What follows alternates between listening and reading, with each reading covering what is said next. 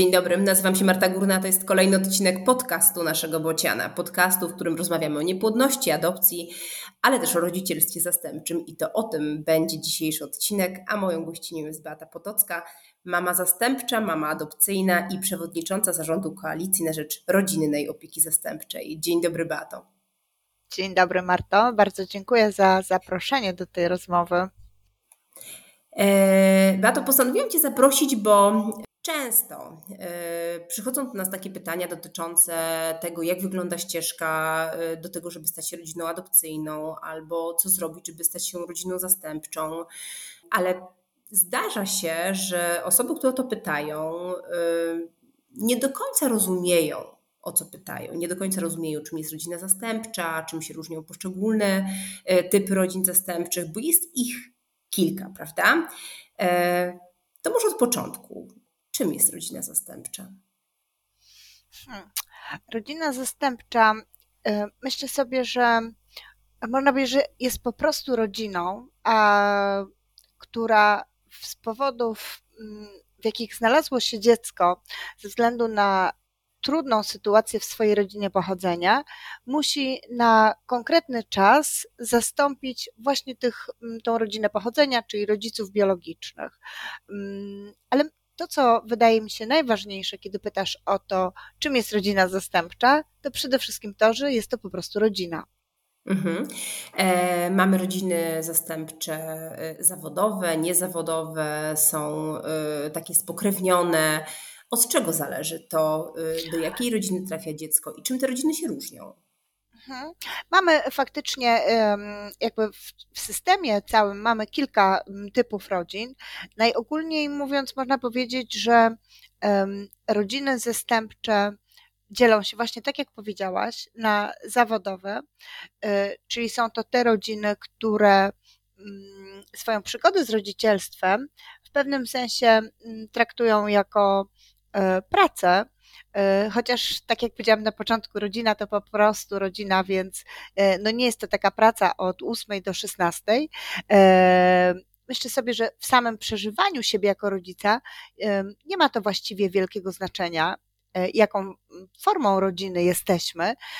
Natomiast ma to te o tyle znaczenie, że rodzice zastępczy zawodowi mają umowę zlecenie i otrzymują wynagrodzenie za to, że opiekują się powierzonymi im dziećmi.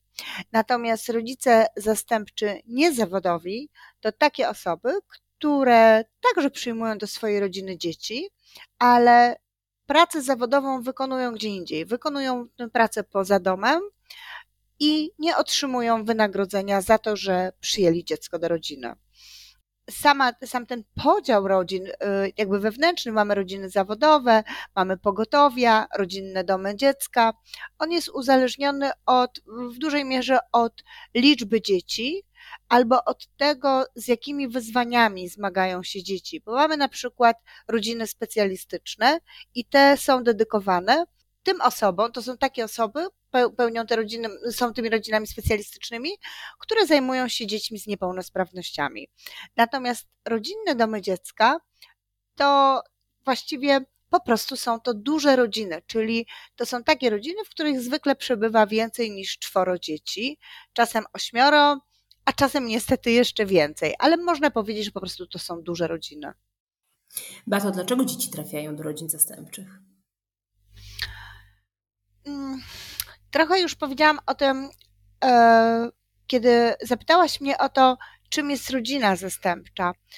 Myślę, że na takim mm, dużym poziomie ogólności można powiedzieć, że dzieci trafiają do rodziny zastępczej wtedy, kiedy w ich rodzinach pochodzenia, ich rodzinach biologicznych kiedy te rodziny biologiczne nie są dobrymi miejscami, kiedy rodzice biologiczni z różnych powodów nie są w stanie wypełnić swoich funkcji wychowawczych i zapewnić dzieciom bezpieczeństwa. E, te powody mogą być różne. Czasem są to trudności e, rodzica związane na przykład z chorobami, w tym chorobami psychicznymi, w tym e, niepełnosprawnością. E, ale to są też trudności, które są związane z inną chorobą, jaką jest uzależnienie. często tym, tą przyczyną, dla którego dziecko trafia do rodziny zastępczej, jest przemoc.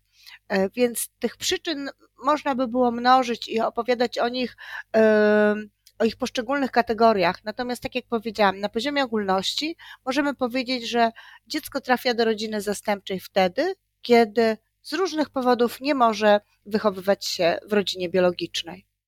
Czy dzieci w rodzinach zastępczych zostają na zawsze? Czy może nie na zawsze, ale do momentu, kiedy dorosną i się usamodzielnią?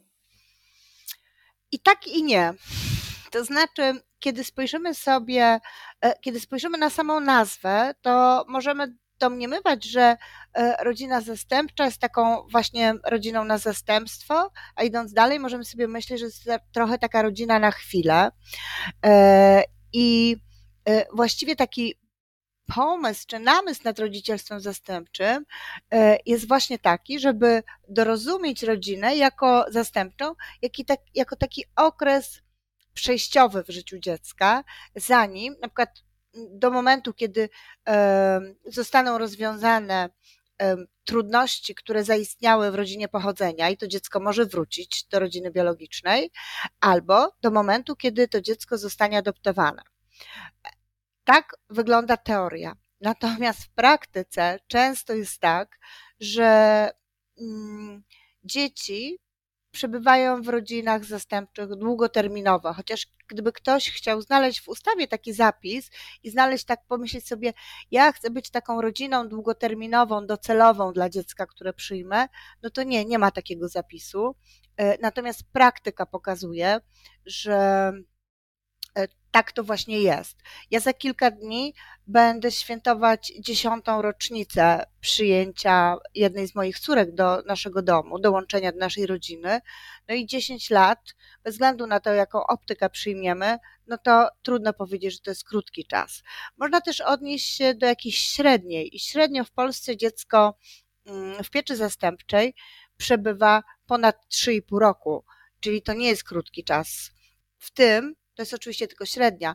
To są dzieci, które trafiły interwencyjnie na kilka dni, ale to są też takie dzieci, które trafiły do pieczy zastępczej w wieku kilku lat i pozostają w niej do dorosłości, bo jest to mm, nierzadką praktyką i e, nierzadko zdarza się.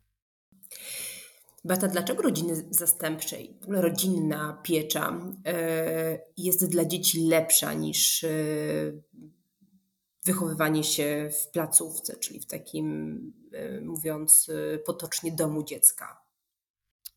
Ja pewnie bym e, mogła bardzo, bardzo długo na ten temat mówić, ale kiedyby odpo chcieć odpowiedzieć najbardziej fundamentalnie na to pytanie, to może być po prostu, bo każde dziecko ma prawo do tego, żeby wychowywać się w rodzinie.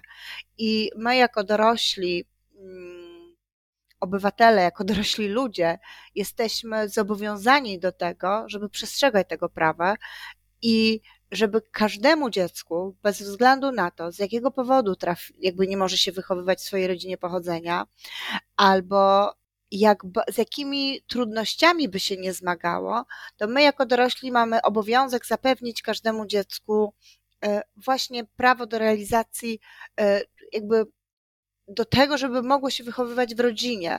E, a trochę nie ma znaczenia, czy jest to rodzina zastępcza, czy jest to rodzina biologiczna, czy rodzina adopcyjna. Kiedy zapytałaś mnie na początku, e, czym jest rodzina zastępcza, to jak pamiętasz, ja na samym początku powiedziałam, że jest to po prostu rodzina. I każdy człowiek e, ma prawo doznawać tego wszystkiego, czego, czego doznajemy w rodzinie, czyli miłości, szacunku, przywiązania, przynależności, e, tego, że kiedy potrzebuję pomocy, kiedy potrzebuję, kiedy jestem chora, kiedy potrzebuję czegoś i kiedy zawołam mamo, to to będzie zawsze ta sama osoba. Kiedy zawołam ciociu, to to zawsze będzie ta sama osoba. E, moje dziecko, jedna z moich córek, e, kiedy jest chora, i to nie jest jakieś wyjątkowe doświadczenie, e, kiedy ją boli brzuch i obudzi się w nocy, to zanim otworzy oczy, krzyczy mamo. I ona wie, że to ja na pewno przyjdę. I któregoś razu, kiedy towarzyszyłam jej właśnie w chorobie, kiedy widziałam, jak zmaga się z bólem, kiedy bardzo potrzebowała, żebym trzymała ją za rękę e, i żebym była przy niej, zastanawiałam się, kogo wołają dzieci w placówkach. Oczywiście zawsze jest tam dorosły, tylko że moja córka wołając mamo, wiedziała, kto przyjdzie. A kogo woła dziecko w placówce?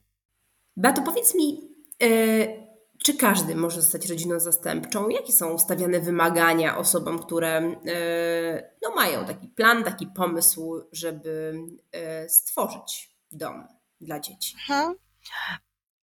Zanim e, odpowiem, jakby odnosząc się do przepisów, to chcę powiedzieć, że tak, każdy. E, bycie rodzicem zastępczym to nie jest jakieś wyjątkowe bohaterstwo. E, nie trzeba być nikim wyjątkowym, niezwykłym albo posiadać jakieś supermoce. Oczywiście, że e, to się zdarza, że ludzie, którzy jakoś przyglądają się czy towarzyszą rodzicom zastępczym. My, rodzice zastępczy, czasem spotykamy się z tym, że e, chce się nas ustawić w roli takich bohaterów, ale przecież to nieprawda. Jesteśmy absolutnie zwykłymi ludźmi. E, powody, dla których mm, zostajemy rodzicami zastępczymi, właściwie jest ich tylu, ilu, ilu rodziców. Chcę przez to powiedzieć, że e, ani nie jest potrzebne posiadanie jakiejś wybitnej misji, ani jakiegoś wybitnego powołania, chociaż i to się zdarza. E, czasem po prostu wystarczy zreflektować, że mam wystarczająco długi stół, żeby zaprosić do tego stołu jeszcze jedną osobę. E, nie muszę być nikim niezwykłym, żeby zaprosić kogoś do stołu, żeby zaprosić kogoś do życia. Więc w takim rozumieniu ogólnoludzkim z całą pewnością mogę powiedzieć, że każdy może być rodzicem zastępczym. Natomiast no jest to duża odpowiedzialność, co oznacza, że osoby, które chcą być rodzicami zastępczymi, muszą mm, spełnić kilka warunków. E, zanim mm, trochę o nich powiem, to chcę, chcę przede wszystkim obalić taki mit, który mm, nadal jest często mm, podnoszony przez te osoby, które mówią: Chciałabym rzadziej chciałbym, ale też się zdarza być rodzicem zastępczym, ale nie mogę tego zrobić, bo nie jestem w związku. Jestem osobą samotną, samodzielną. E, więc no, przede wszystkim e, rodzicem zastępczym, zarówno mamą, jak i tatą zastępczym, mogą być te osoby, które nie są w nikim w związku, czyli chcieliby pełnić tę rolę samodzielnie i ja jestem takim doskonałym przykładem, ponieważ ja sama prowadzę mm, e, rodzinny dom dziecka, który, e, który w którym mieszkają po prostu moje dzieci i który jest naszą rodziną. E, robię to bez męża i nie jestem jedyną osobą w Polsce, która robi to samodzielnie, bez względu na to, czy ktoś prowadzi rodzinny dom dziecka, czy jest to rodzina niezawodowa. Czyli w każdej formie rodzicielstwa zastępczego. Można to zrobić e, z, z, mężem, z żoną, e, ale można też to zrobić samodzielnie. To, co jest istotne, to to, e, żeby zostać rodziną zastępczą na poziomie formalnym, jest taki wymóg, żeby mieć stałe, miejsce stałego zamieszkania na terenie Polski i mm, rodzicem zastępczym nie może być osoba, która jest pozbawiona praw cywilnych i obywatelskich.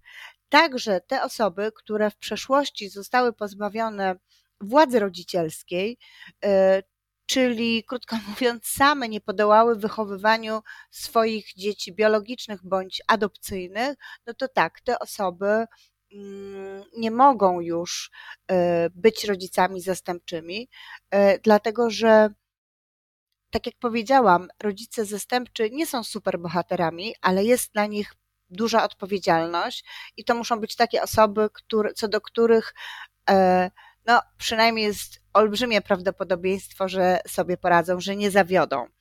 E, chciałoby się powiedzieć, że powinna być pewność, no ale tej oczywiście nigdy nie mamy.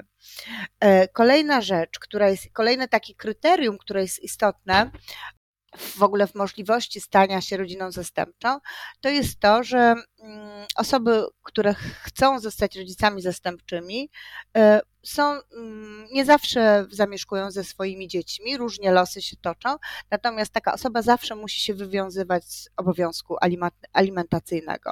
Czyli ktoś, kto e, został pozbawiony praw e, lub który został pozbawiony władzy rodzicielskiej, albo ktoś, kto nie płaci alimentów na swoje dziecko, no ta osoba E, już na mocy prawa jest wyłączona z możliwości zostania rodzicem zastępczym.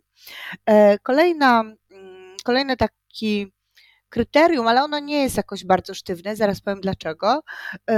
E, to jest mm, taki zapis, który mówi o tym, że osoba chcąca zostać rodziną zastępczą musi posiadać odpowiednie warunki mieszkaniowe.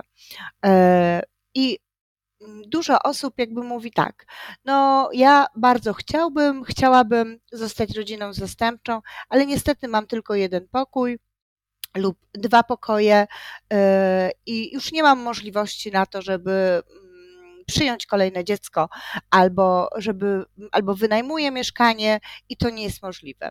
Otóż w wielu miejscach w Polsce y, organizator pieczy zastępczej, czyli ten organ, który odpowiada za mm, całe funkcjonowanie pieczy zastępczej, mm, mówi tak. Dobrze, jeśli ty jesteś takim kandydatem, który jest y, który spełnia te wszystkie kryteria. Jeśli chcesz przyjąć dzieci, a jedyną Twoją trudnością, ty, czy tym, co nie pozwala Ci zostać rodzicem zastępczym, jest brak odpowiedniego mieszkania, to my wynajmiemy Ci mieszkanie lub dom po to, żebyś Ty w tym domu, mieszkaniu mógł pełnić y, rolę rodzica zastępczego. I to znowu nie jest takie mm, tylko teoretyczne teoretyczna opowieść, no bo ja jestem przykładem. U mnie właśnie w moim mieście, mieszkam w Gdyni, jest tak, że te osoby, które na przykład mają zbyt małe mieszkania, albo nie mają swoich mieszkań, e, albo niech mm, jakby wtedy mm, samorząd, miasto wynajmuje dla takich rodziców odpowiedni lokal, w którym mogą pełnić, mieszkają tam oczywiście i pełnią e, rolę rodziny zastępczej. I Gdynia nie jest tu odosobnionym, jakimś jedynym miastem. Tak samo wygląda sytuacja w Łodzi, w Gliwicach, w wielu innych miejscach tak jest, a nawet jeśli tak nie jest, jeśli nie ma takiej praktyki, a ktoś chciałby zostać rodzicem zastępczym, to myślę że sobie, że nie stoi nic na przeszkodzie, żeby zgłosić się do takiego organizatora i powiedzieć: Spełniam wszystkie kryteria, chcę zostać rodzicem zastępczym, e, ale mam zbyt małe mieszkanie, co wy na to? E, dobrze, jak już e, przesłuchaliśmy tego fragmentu, mówię o naszych słuchaczach, i wiemy, że w zasadzie nic nie stoi na przeszkodzie, nadajemy się, spełniamy kryteria i moglibyśmy rzeczywiście pomyśleć o tym, żeby taką rodzinę zastępczą założyć. To co wtedy powinniśmy zrobić? Gdzie pójść? Gdzie uderzyć? Kogo zapytać? Co dalej? Trochę zależy mm, od tego, gdzie mieszkamy, to znaczy jak e, rozkłada się mm, jakby w różnych miejscach tym tak zwanym organizatorem, o którym już powiedziałam, nie, nie zawsze to jest nie zawsze pod ten sam adres, pod tą samą nazwę jakby możemy się udać. To znaczy, warto w tym, już po podjęciu takiej decyzji, albo przynajmniej na, kiedy już tak zupełnie serio ją rozważamy, e, należy się zwrócić do e, albo do Miejskiego Ośrodka Pomocy Społecznej, albo do Miejskiego Ośrodka Pomocy Rodzinie, albo do Powiatowego Centrum Pomocy Rodzinie. I jakby trochę to zależy, ta, ta zmiana nazwy zależy po prostu od miejsca naszego zamieszkania ale na pewno należy zgłosić się do takiej instytucji i nawet jeżeli e, my zgłosimy się nie wiem, do dzielnicowego ośrodka pomocy społecznej. I oczywiście to nie jest ta e, instytucja, która zajmuje się pieczą zastępczą. To myślę sobie, że nic się nie wydarzy, bo z pewnością nas przekierują do odpowiedniej osoby, e, łącznie z podaniem, e, nie wiem, numeru telefonu i nazwiska osoby, e, która się zajmuje. Więc na poziomie ogólności, można powiedzieć, należy zwrócić się do Miejskiego Ośrodka Pomocy Społecznej. I co wtedy? E, ktoś z nami porozmawia, skieruje nas na jakieś szkolenie. Jak wygląda ten proces stawania się rodziną zastępczą? Dziękuję, że użyłaś tego słowa proces, bo oczywiście to nie jest tak, że dziś stawiamy się do takiej instytucji, do na przykład Powiatowego Centrum Pomocy Rodzinie i ktoś mówi tak, właśnie w, naszej, w naszym mieście, w naszym powiecie jest troje dzieci i cieszymy się, że pani przyszła, jutro może pani przyjąć te dzieci do domu. Tak to nie wygląda. E, jest pewna procedura i pewien proces, który musi przejść każdy e, kandydat na rodzica zastępczego, zanim się z nim, nim stanie. E, pierwszym mm, etapem czy pierwszym działaniem jest to, co już powiedziałyśmy, czyli jakby zgłoszenie się do konkretnej instytucji, odbycie rozmowy. E, następnie mm, taki kandydat na rodzica zastępczego e, przechodzi testy, rozmowy, też znowu myślę sobie, że panuje taki mit, że to jest jakiś taki bardzo długotrwały proces, skomplikowany. No, on oczywiście to jest proces, to chwilę trwa, ale e, no, pamiętajmy, że osoba, która chce, przy, jakby chce zostać rodziną zastępczą, ostatecznie przyjmuje dzieci do domu, więc to jest oczywiste, że taki człowiek musi być sprawdzony.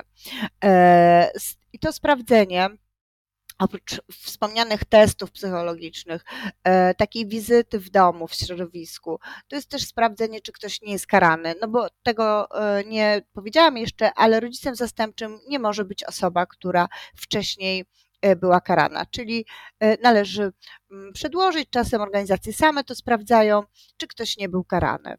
Mm, I jeżeli E, kandydat na rodzica zastępczego dostanie taką wstępną kwalifikację, to jest kierowany na szkolenie. I to szkolenie jest znowu procesem, bo to jest 50-godzinne szkolenie, które mm, jest realizowane w różnym trybie. E, na przykład koalicja, którą reprezentuję, mamy swoje szkolenie, które mm, zostało napisane przez praktyczki, czyli przez osoby, które mają duże doświadczenie e, bycia rodzicem zastępczym, ale mają też e, pamięć tego, czego się nie dowiedziały na własnych szkoleniach, które często mm, robiłyśmy wiele lat temu. Więc osoba, która chce zostać rodziną zastępczą, jakby takim warunkiem koniecznym jest przejście tego szkolenia 50-godzinnego, które czasem odbywa się stacjonarnie, czasem odbywa się w trybie weekendowym, e, online, więc myślę sobie, że w tej chwili już tych szkoleń jest więcej. Tak jak powiedziałam, jedno z nich jest e, w ofercie koalicji, ale też e, czasem organizator zaprasza na takie szkolenie kandydatów i to jest taki czas, kiedy można się dowiedzieć, jakby trochę przygotować i dowiedzieć na poziomie teoretycznym, czym jest rodzina zastępcza, z jakimi wyzwaniami będzie się mierzyć i kim jest to dziecko, e, które przychodzi do rodziny. To, czego my uczymy e, na naszym szkoleniu, to uczymy też tego, żeby widzieć ten świat oczyma dziecka, czyli nie tylko takiego, takiej osoby, która sobie pewnego dnia z różnych powodów powiedziała: super, to jest w ogóle zajęcie dla mnie, chcę zrobić coś dobrego, przyjąć dziecko do rodziny, to jest dobre, ale my uczymy też tego, żeby spojrzeć na świat, na tą sytuację dziecka jego oczyma. Po co to robimy, po co to szkolenie? Pewnie nigdy nie da do końca się przygotować kogoś na bycie rodzicem zastępczym, bo to zawsze bardzo wyjątkowe spotkanie dorosłego z dzieckiem, dziecka z dorosłego, z dorosłym. E, ale myślę sobie, że to szkolenie Mm, jest takim, właściwie trochę taką ciążą, takim przygotowaniem do przyjęcia nowego członka rodziny. Po odbyciu takiego szkolenia teoretycznego, e, kandydaci są mają przed sobą kolejny etap, to jest 10-godzinną praktykę E, w rodzinie, już w istniejącej rodzinie zastępczej. No i to jest taki moment, kiedy też można trochę zderzyć swoje wyobrażenie z tą wiedzą ze szkolenia teoretyczną z praktyką, ale to nadal jest tylko przyglądanie się, bo nasze doświadczenie pewnie, e, kiedy się przyjmuje do domu dziecko, to zawsze jest e, to bardzo wyjątkowe i pewnie zawsze jest zupełnie inne. Dokładnie tak. Beato, powiedziałaś, że e, to rodzicielstwo zastępcze niesie wiele wyzwań. E, I ja potrafię sobie wyobrazić, że te wyzwania naprawdę mogą być e, no bardzo duże. Trafiają do rodzin zastępczych dzieci zwykle z trudnych miejsc, z trudną historią. Na jakie wsparcie samorządów możemy liczyć? Czy, czy to jest tak, że jak już przejdziemy te szkolenia, przejdziemy te praktyki i dostaniemy te dzieci, to my zostajemy z tym całkowicie sami? Czy ktoś nad nami czuwa? Czy możemy na kogoś liczyć? Mhm. Um, nie, na szczęście nie zostajemy sami e, i ta pomoc może być różna. Oczywiście są takie formy pomocy, które są ustawowe i obligatoryjne, e, jak na przykład pomoc finansowa. Na, to jest taka pomoc na pokrycie, e, na częściowe pokrycie kosztów utrzymania dziecka, które przebywa w rodzinie zastępczej i tak, na taką pomoc może liczyć każda osoba, która staje się rodziną zastępczą. To jest mm, kwota, która jest dookreślona e, właśnie w przywołanej ustawie. E, na dzisiaj ta kwota to jest 1361 zł. I to jest takie mm, absolutne minimum, które na pewno otrzyma każdy rodzic zastępczy. Kiedy, kiedy mówimy w ogóle o pomocy czy o wsparciu, jakie uzyskuje rodzina zastępcza, to mówimy o takich dwóch formułach. O różnego rodzaju świadczeniach obligatoryjnych, czyli tych należących się każdej rodzinie, każdemu dziecku w rodzinie tak naprawdę. E, I jednym z nich jest właśnie ta kwota, o której powiedziałam. Są też takie świadczenia fakultatywne, czyli w zależności od Mm, miejsca, one różnią się niestety i to są na przykład pieniądze, które potocznie nazywane są jednorazówkami, a e, po prostu są, mm, rodzina otrzymuje je na mm, zagospodarowanie, czyli e, kiedy przyjmuje nowe dziecko do rodziny, no wiadomo, że temu dziecku trzeba kupić łóżko, trzeba kupić kołdrę, szafę e, i dostaje kwotę właśnie, która ma pomóc zabezpieczyć te pierwsze potrzeby. Te kwoty są różne w różnych miastach. Czasem to jest 500 zł, czasem 1000, czasem 2,5 tysiąca, więc to e, jest kwota e, zróżnicowana w w zależności od miejsca, w którym mm, rodzina jest, e, ale to nie tylko, bo można popatrzeć na tą pomoc szerzej. Na przykład w moim mieście jest mm, to jest Gdyńskie Centrum Terapii i Diagnozy FASD. I jest to ośrodek, który jest finansowany przez samorząd, i ja właściwie trochę nie wyobrażam sobie funkcjonowania bez tego ośrodka. E, to takie miejsce, gdzie rodzic zastępczy, kiedy przyjmie dziecko, może liczyć na pełną diagnostykę, w tym diagnozę lekarza psychiatry, co jak wiadomo w Polsce nie jest takim standardem, żeby to szybko się działo. E, ale też nie tylko na diagnozę, ale później na wsparcie, czyli na terapię, e, na wsparcie zarówno dla rodziców, jak i, jak i dla dzieci. I to jest już taka nieoczywista pomoc, taką czyli mm, znaczy oczywista, jeżeli patrzymy na potrzeby, ale nieoczywista w tym sensie, że nie wszędzie realizowana.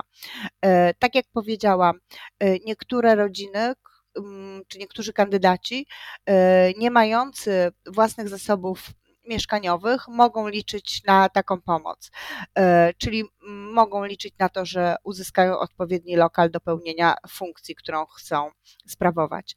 E, natomiast właściwie mogę powiedzieć, że to trochę od samorządów zależy, jak chcą pomóc, bo e, przepisy mówią o pewnym minimum, a to namysł samorządu i ich decyzja, jego decyzja właściwie ostatecznie określa te ramy, bo to może być pomoc w wynajęciu mieszkania, ale to równie dobrze może być dodatkowa osoba do pomocy, e, to mogą być płatne godziny terapii, to może być wszelaka pomoc, jaka, jaka jest potrzebna. Właściwie myślę sobie, że taką ramą jest tylko rozumienie i poziom rozumienia i poziom empatii. No i pewnie oczywiście można by powiedzieć, że pieniądze.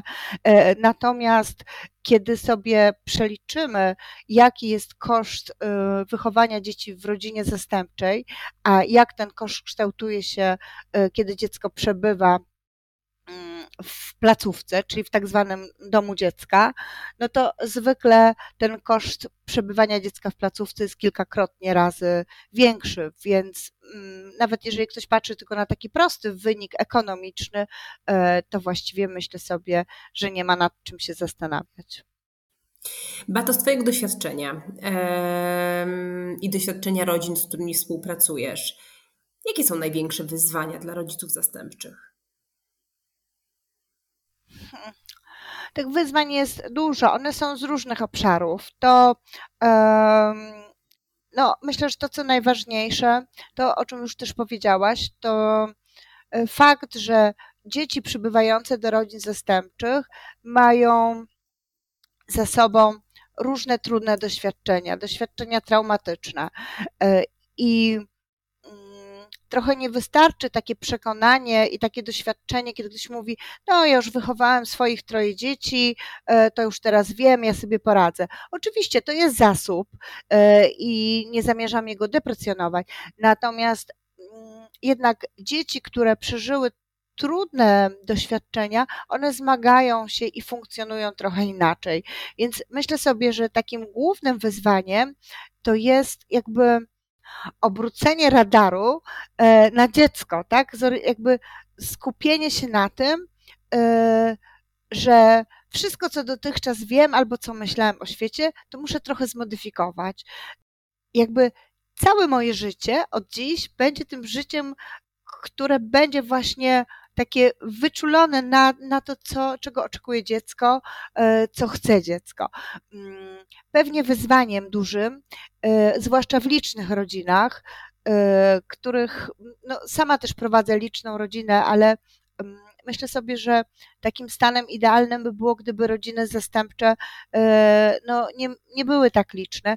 Jest pewnie logistyka, e, jest pewnie taka codzienność. I tutaj znowu jest taka duża rola samorządów albo organizacji pozarządowych, takich lokalnych, e, że w najrozmaitszy sposób można wspierać rodziny zastępcze. E, właśnie na przykład poprzez dotrudnianie osoby do pomocy, która na przykład wyręczy rodzinę w robieniu zakupów, a no mm, chyba nie muszę mówić, że robienie zakupów dla 10 czy 12 osobowej rodziny jest dużym wyzwaniem i też po prostu takim fizycznym wysiłkiem. A największe radości? Tak żeby e, zrównoważyć te trudy? Mm, nie wiem, czy mamy tyle czasu, kiedy bym chciała mówić o radościach, bo o tym mogłabym zdecydowanie dużo więcej powiedzieć. To, co mm, mogę powiedzieć y, krótko, bo rozumiem, że tego czasu nie mamy mm, na najbliższy tydzień, y, to mogę powiedzieć z całą pewnością, że przyjęcie do rodziny dziecka i bycie rodzicem zastępczym jest absolutnie najlepszym, najwspanialszym doświadczeniem, jakie można, e, jakiego można doznać. Nie ma na świecie lepszego, bardziej gratyfikującego zajęcia niż pomoc małemu człowiekowi, albo czasem trochę większemu, który znalazł się w kłopocie, a dzięki temu, że jesteśmy, jego świat może ulec zmianie i jego życie ulega zmianie i obserwowanie tego, towarzyszenie, to oczywiście to nie oznacza, że e, każdy dzień rodzica zastępczego jest jakimś idealnym e, stanem czy jakąś ścielanką. To oczywiście, że nie. Natomiast jakby to, co jest na końcu, to, czego doświadczamy, jest nie do przecenienia i na pewno, oczywiście, każde zajęcie, każdy człowiek robi coś bardzo ważnego, ale rodzice zastępczy robią coś najważniejszego i najlepszego. I nie da się tego porównać z niczym innym. Data, powiesz na koniec kilka słów o Twojej rodzinie? Już właściwie trochę o swojej rodzinie powiedziałam. E, jestem samodzielną mamą dziś ośmiorga dzieci od niedawna mamą także chłopca, bo przez wiele lat byłam mamą córek i właściwie dotychczas tak się przedstawiałam. Czasem zmieniała się ta liczba, byłam mamą pięciu, sześciu, potem siedmiu córek, a dziś jestem mamą siedmiu córek i jednego synka. Mój synek jest z nami od dwóch miesięcy i choć myślę sobie o nim synek, to powinnam mówić syn, bo ma 15 lat.